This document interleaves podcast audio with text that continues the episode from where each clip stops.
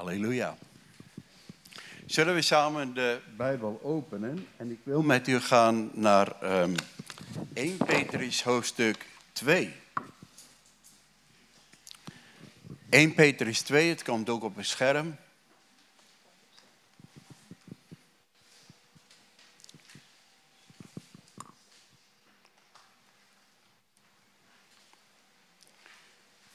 ...1 Petrus 2, en we lezen van vers 4 tot en met 6 en dan vers 9, daar gaan we ook nog even naartoe. En we lezen hier, we kunnen samen vanaf het scherm ook lezen. Voeg u bij hem, bij de levende steen, die door de mensen werd afgekeurd, maar door God werd uitgekozen om zijn kostbaarheid. En laat u ook zelf als levende stenen gebruiken voor de bouw van een geestelijke tempel. Vorm een heilig priesterschap om geestelijke offers te brengen die God, dankzij Jezus Christus, welgevallig zijn. In de schrift staat immers, in Sion leg ik een hoeksteen die ik heb uitgekozen om zijn kostbaarheid. Oké? En dan verder, wie daarop vertrouwt, komt niet bedrogen uit. En dan vers 9. En dan lezen wij, maar u, broeders en zusters, u, zegt de Bijbel.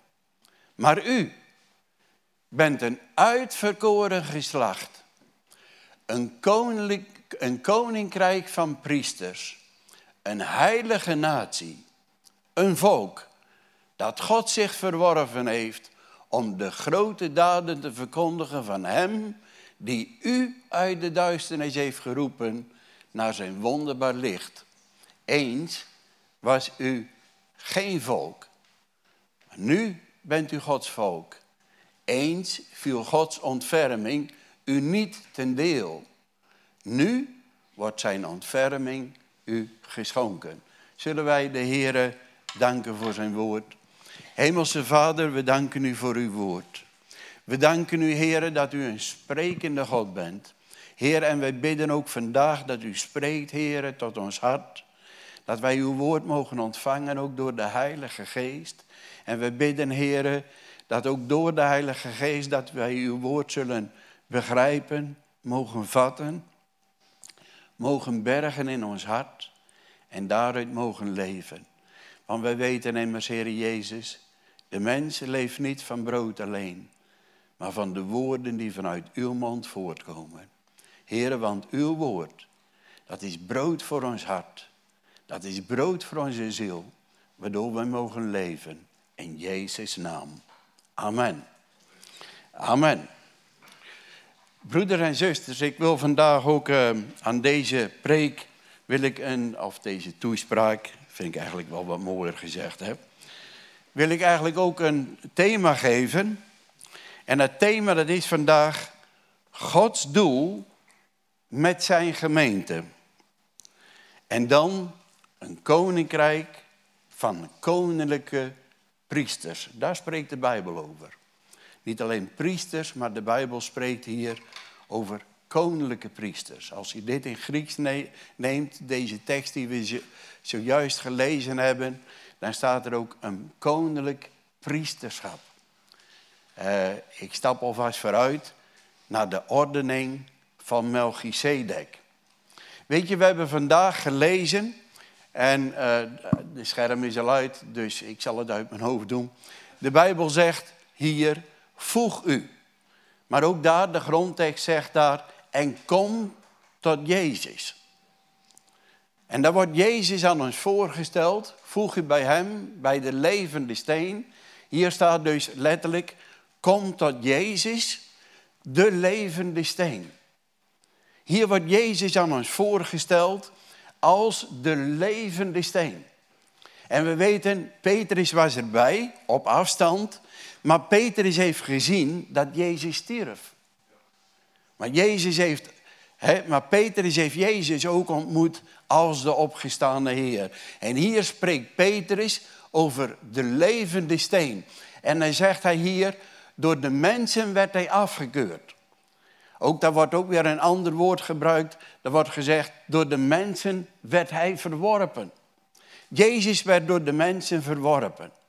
Maar de Bijbel zegt hier, door de mensen werd hij verworpen, afgekeurd staat hier, maar door God werd hij uitgekozen, uitverkoren en kostbaar. Weet je, de Bijbel zegt, Johannes spreekt erover, Jezus kwam tot de zijnen en de zijnen hebben hem niet aangenomen.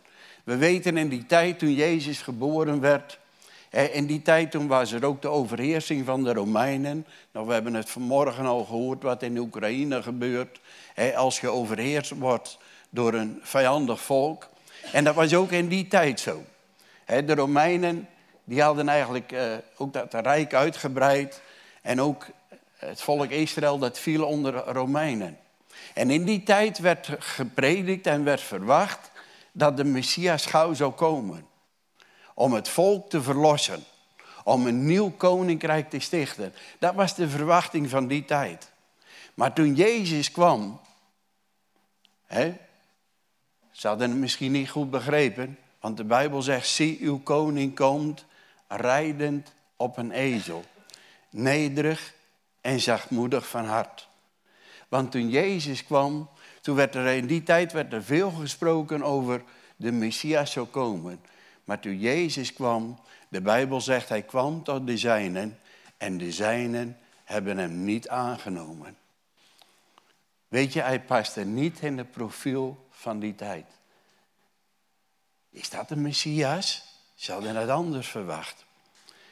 De Bijbel zegt hier, en we hebben het ook hier gelezen, hè, dat eh, door God, die had immers in de schrift al gezegd, het was al geprofeteerd, in Sion leg ik een hoeksteen. En de Bijbel zegt, ook hier in dit gedeelte, en door de bouwlieden werd hij verworpen. De leiders van het volk, de bouwlieden, werd hij ver, eh, verworpen. Maar de Bijbel zegt, maar door God was hij uitverkoren en kostbaar. En weet je, broeder en zusters, de Bijbel zegt, ik heb zojuist aangehaald al Johannes 1, vers 11, hij kwam tot de zijnen en de zijnen hebben hem niet aangenomen. Maar dan staat er ook het woordje maar.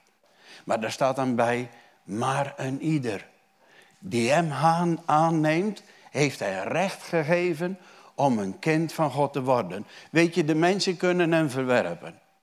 Maar hoe is het met u en hoe is het met mij? Dat is een persoonlijke keuze die je maakt. De Bijbel zegt, hij kwam tot de zijnen en die hebben hem niet aangenomen. Maar een ieder die hem aanneemt, die ontvangt het recht om een kind van God te zijn. Als je de zoon van God aanneemt, dan word je zelf ook een kind van God. En dan mag je opgroeien tot geestelijke volwassenheid, waarvan Romeinen 8 zegt, tot de volwassenheid van de zoonschap Gods.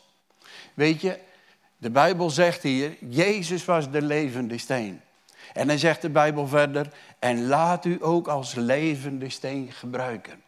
Als je Jezus de levende steen aanneemt, dan wordt u ook een levende steen.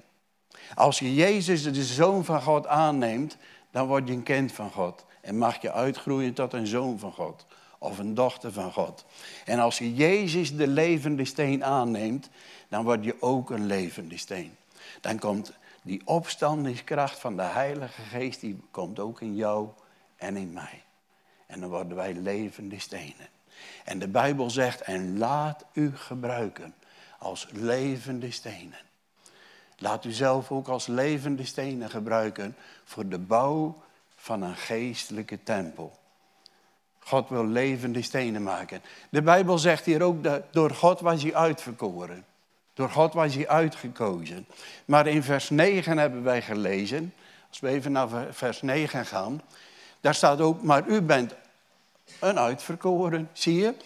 Als je Jezus als zoon van God aanneemt, word je ook een kind van God. Word je ook een zoon van God. Als je Jezus de levende steen aanneemt, word je ook een levende steen. Als je Jezus de uitverkorene aanneemt, word je ook uitverkoren. Ik weet niet hoe het met u is, met de meeste van u. Maar weet je, ik kom van een reformatorisch, een zwaar reformatorisch achtergrond. En bij ons, in de kerk vroeger, als kind, ben ik daarmee opgegroeid, was er altijd een worsteling. Ben ik wel uitverkoren? Wie kent die worsteling? Nou, ik zie er verschillende handen. En Ton, je weet het, wat een gevecht dat kan zijn. Als je dat als kind al geleerd wordt. Toen ik 19 jaar werd. Ik was 20 jaar, toen heb ik mijn hart aan de Heer mogen overgeven. En kwam de Heer in mijn leven en werd ik een levende steen. Maar toen ik 19 jaar was. En u zou mij vragen, Stefan. Als er met jou wat gebeurt, waar ga je naartoe? Terwijl ik de hele zondag in de kerk zat, dat heb ik pas uitgelegd, de vorige keer dat ik hier was. Hoef ik niet te herhalen. Maar ik ben met de Bijbel opgegroeid. En toch toen ik 19 jaar was en als u mij zou vragen, als jou wat overkomt, waar ga je naartoe? Weet je wat mijn antwoord dan was? En daar was ik als de dood zo bang voor. Hè? Dan zou ik zeggen, ik ga naar de hel. Want ik had geen vrede met God. Want ik was geen uitverkorene. Maar vandaag hebben wij gehoord. Misschien is er ook iemand die diezelfde worsteling kent. En misschien nog wel diezelfde worsteling heeft. Maar de Bijbel zegt, als je Jezus aanneemt, word je een kind van God. Als je Jezus aanneemt als levende steen, dan wordt hij ook een levende steen. Amen. En als je Jezus aanneemt als de uitverkorene, dan word je ook uitverkoren. Weet je, er is een Bijbels principe. En dat zegt eigenlijk, je wordt wie Jezus is.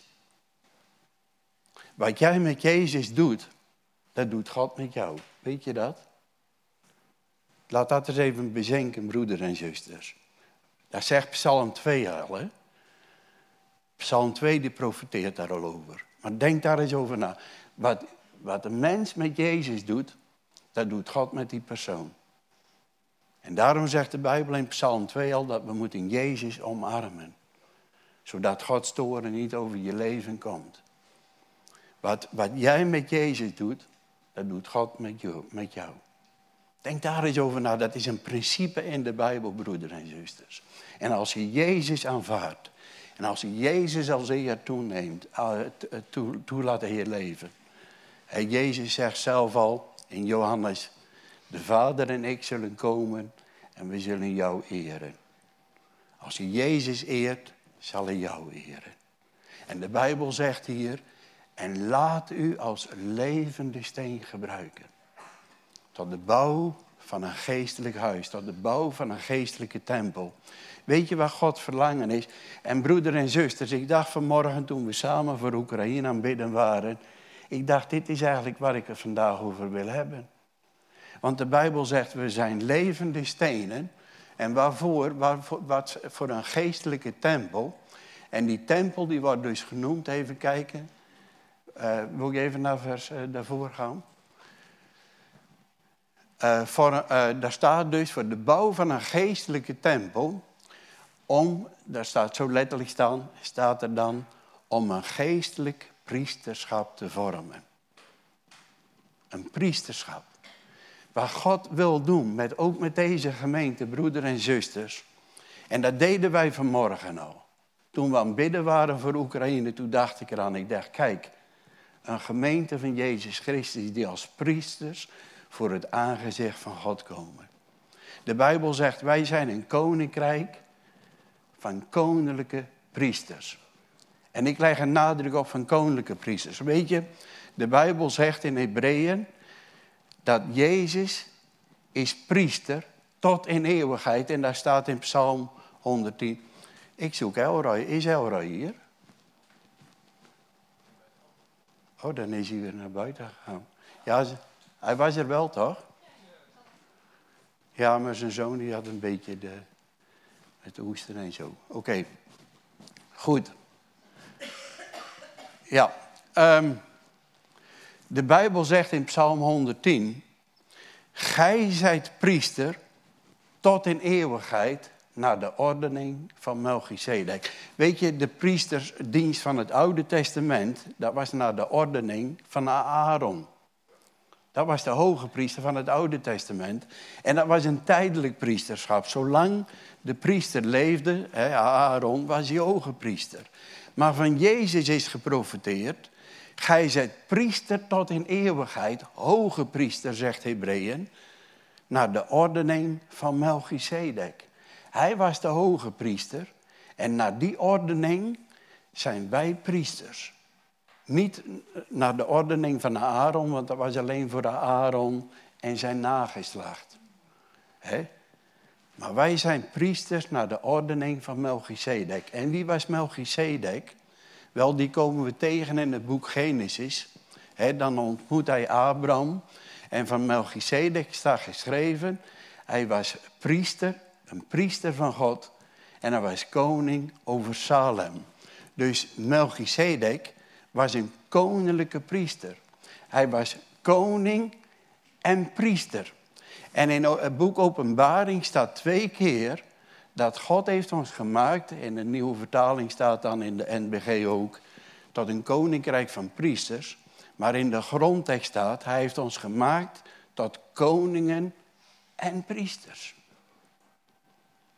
Koninklijke priesters. Wij mogen God dienen. En weet je, broeder en zuster, ik zie een paar mensen schrijven, nummer 3, vers 10. Weet je wat in nummer 3, vers 10 staat? Daar zegt God tegen Mozes, gebied tot Aaron, ik zeg het even uit mijn hoofd die tekst, gebied tot Aaron, dat hij het priesterschap op zich neemt, Aaron en zijn zonen. En dan staat er, en geen onbevoegde zal mogen naderen. Geen onbevoegde, dat wil zeggen wie geen priester was, mocht niet komen in het heiligdom. Alleen priesters mogen in het heiligdom komen. En Jezus zegt, want hij wil ons allemaal in het heiligdom hebben. Hij zegt, ik maak jullie allemaal priesters. Ik maak jullie allemaal priesters. Wij mogen in het heiligdom komen. Wij mogen in de tegenwoordigheid van God komen. Dat mocht in het Oude Testament niet. Alleen de priesters mogen in het heiligdom komen. En Jezus zegt, ik maak jullie priesters. Zodat jullie in de tegenwoordigheid van God kunt komen. Dat beseffen wij niet altijd. We hebben vanmorgen ook liederen gezongen. We komen in Gods heiligdom. in, in uw schaduw van uw vleugelen. Uw troon is mijn toevlucht. In het Oude Testament mocht het volk daar niet komen. Alleen priesters.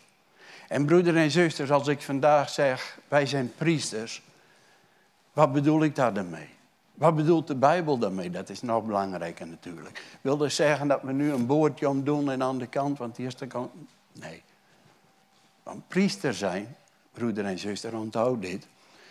Priester zijn is geen titel, maar is een taak. Toch? Als je priester bent, je bent niet in titel een priester, maar je bent in je taak een priester. En wat doet eigenlijk een priester?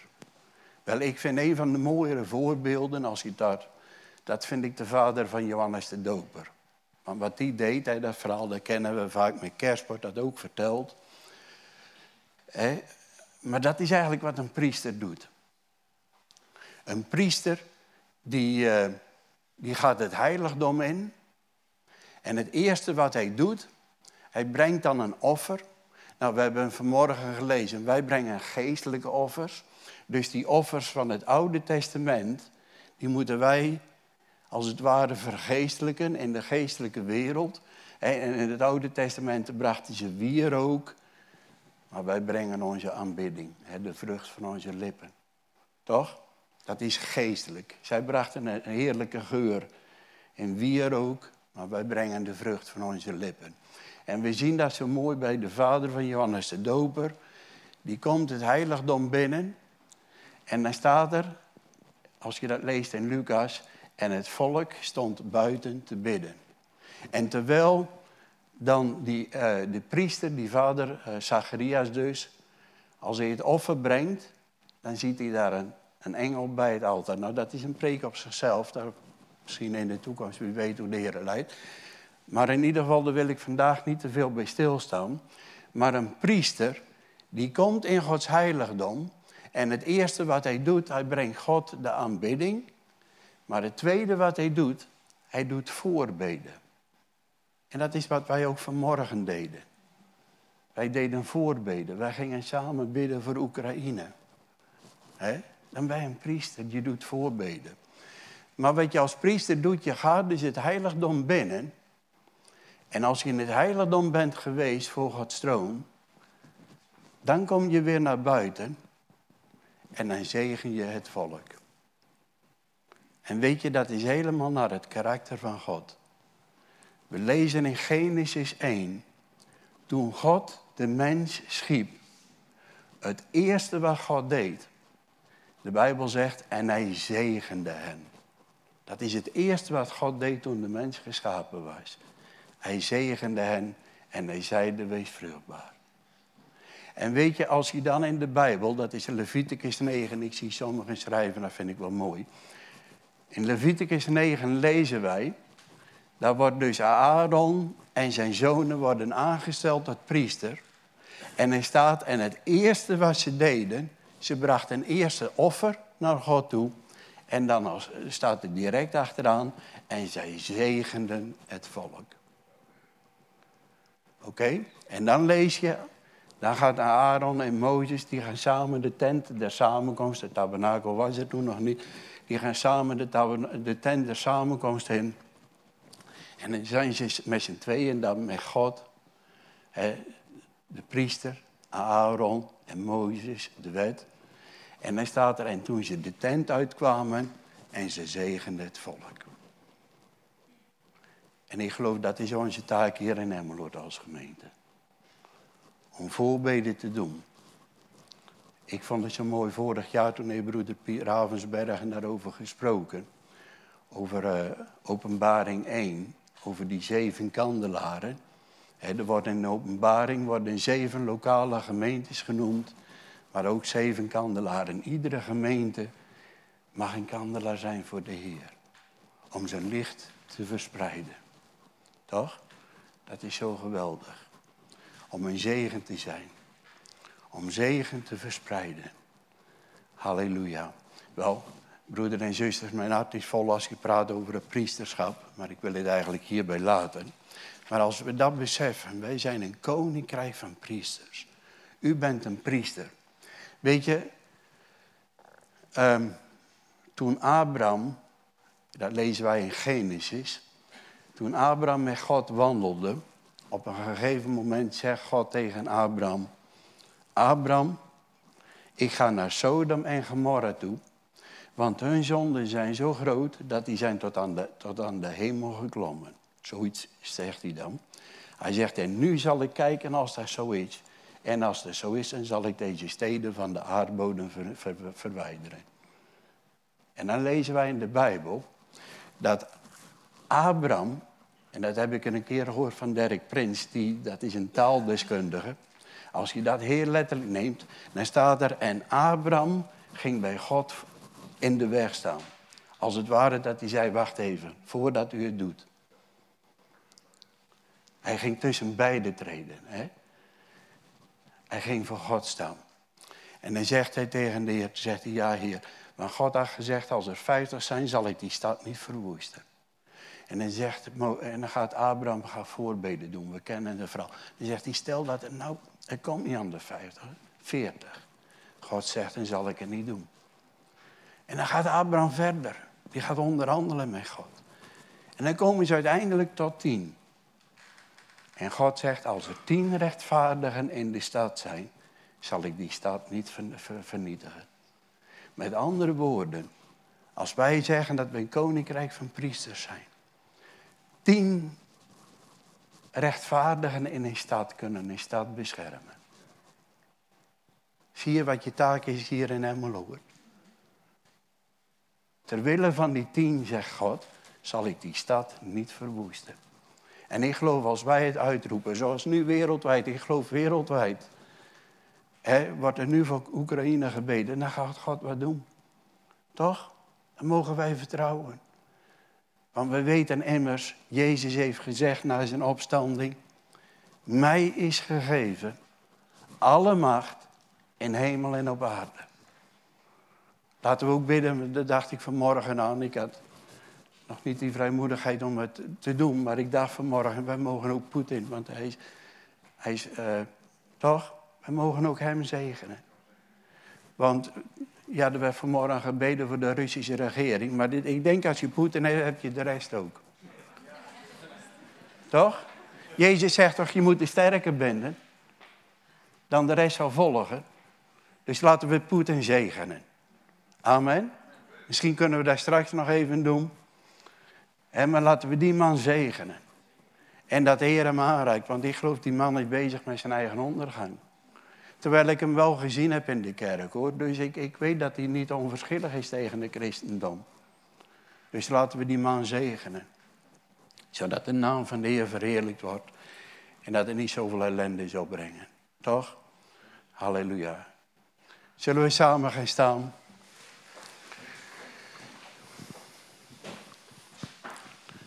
Besef, broeder en zusters, dat wij een koninkrijk van priesters zijn. Misschien vraag je wel eens af, wat wil God van mij? Wel, God zegt, ik wil van jou een priester maken. En een priester die doet zijn voorbeden.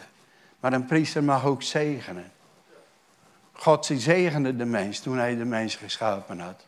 Ik geloof als we mensen zegenen, hè, dan brengen wij uh, het goede van God over zijn leven. En zetten wij de engelenwereld in beweging. En vader, zo willen wij u danken. Dat wij door het volbrachte werk van Jezus Christus ook vandaag mogen naderen. De Bijbel zegt, geef uw vrijmoedigheid niet prijs. En weet je, dat wordt niet bedoeld om te getuigen.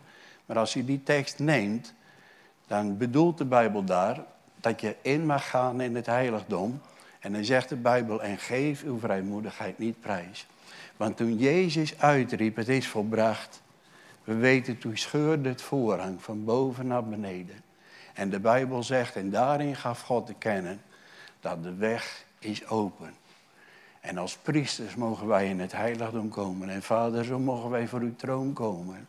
In de naam van de Heer Jezus. Heer, willen we allereerst u danken voor uw genade. Want wij beseffen, Heer, het is door uw genade alleen. Heer, het is door het volbrachte werk van de Heer Jezus Zoals de priesters, Heer, ook ingewijd werden door het bloed van het offer. En door de olie, Heer, zo zijn wij ook ingewijd door het bloed van, van uw eigen zoon. En ook door de olie van de Heilige Geest. En zo zijn wij ook ingewijd als priesters. En komen wij voor uw troon. Heer, en zoals we deze dagen bezig zijn met de Oekraïne. Heer, en je leest het ook aan alle kanten. Heer wat de wereld misschien zegt. Maar heren, wij willen als priesters voor uw troon komen. En we willen die zaak aan u voorleggen. En heren, zoals de Bijbel ons leert, zegen diegenen die u vervolgen. Zo willen we ook Poetin zegenen. We willen bidden, heren, dat uw genade over hem komt. Dat deze man tot inzicht komt, heren, dat hij een heilloze weg zo gaat. Heren, maar dat hij op zijn schreden zal terugkeren. Wij bidden, heren, voor een wonder. Wij bidden, Heer, in de machtige naam van de Heer Jezus. En we willen u danken. Dank u wel, Heer Jezus, dat we mogen weten dat aan u is gegeven alle macht in hemel en op aarde. En we maken u groot als de koning der koningen en de heer der heren. Halleluja. Halleluja. En broeders en zusters, terwijl we in gebed zijn, laten we ook ons hart openen en ontvang ook de zegen van de Heer als we van hier gaan. Weet dat de Heer met u meegaat. Halleluja. En de genade van God de Vader. De liefde die Hij getoond heeft in het volbrachte werk van Jezus. En de kracht en de bijstand van de Heilige Geest is met een ieder van u. Wees gezegend in Jezus' naam. Amen.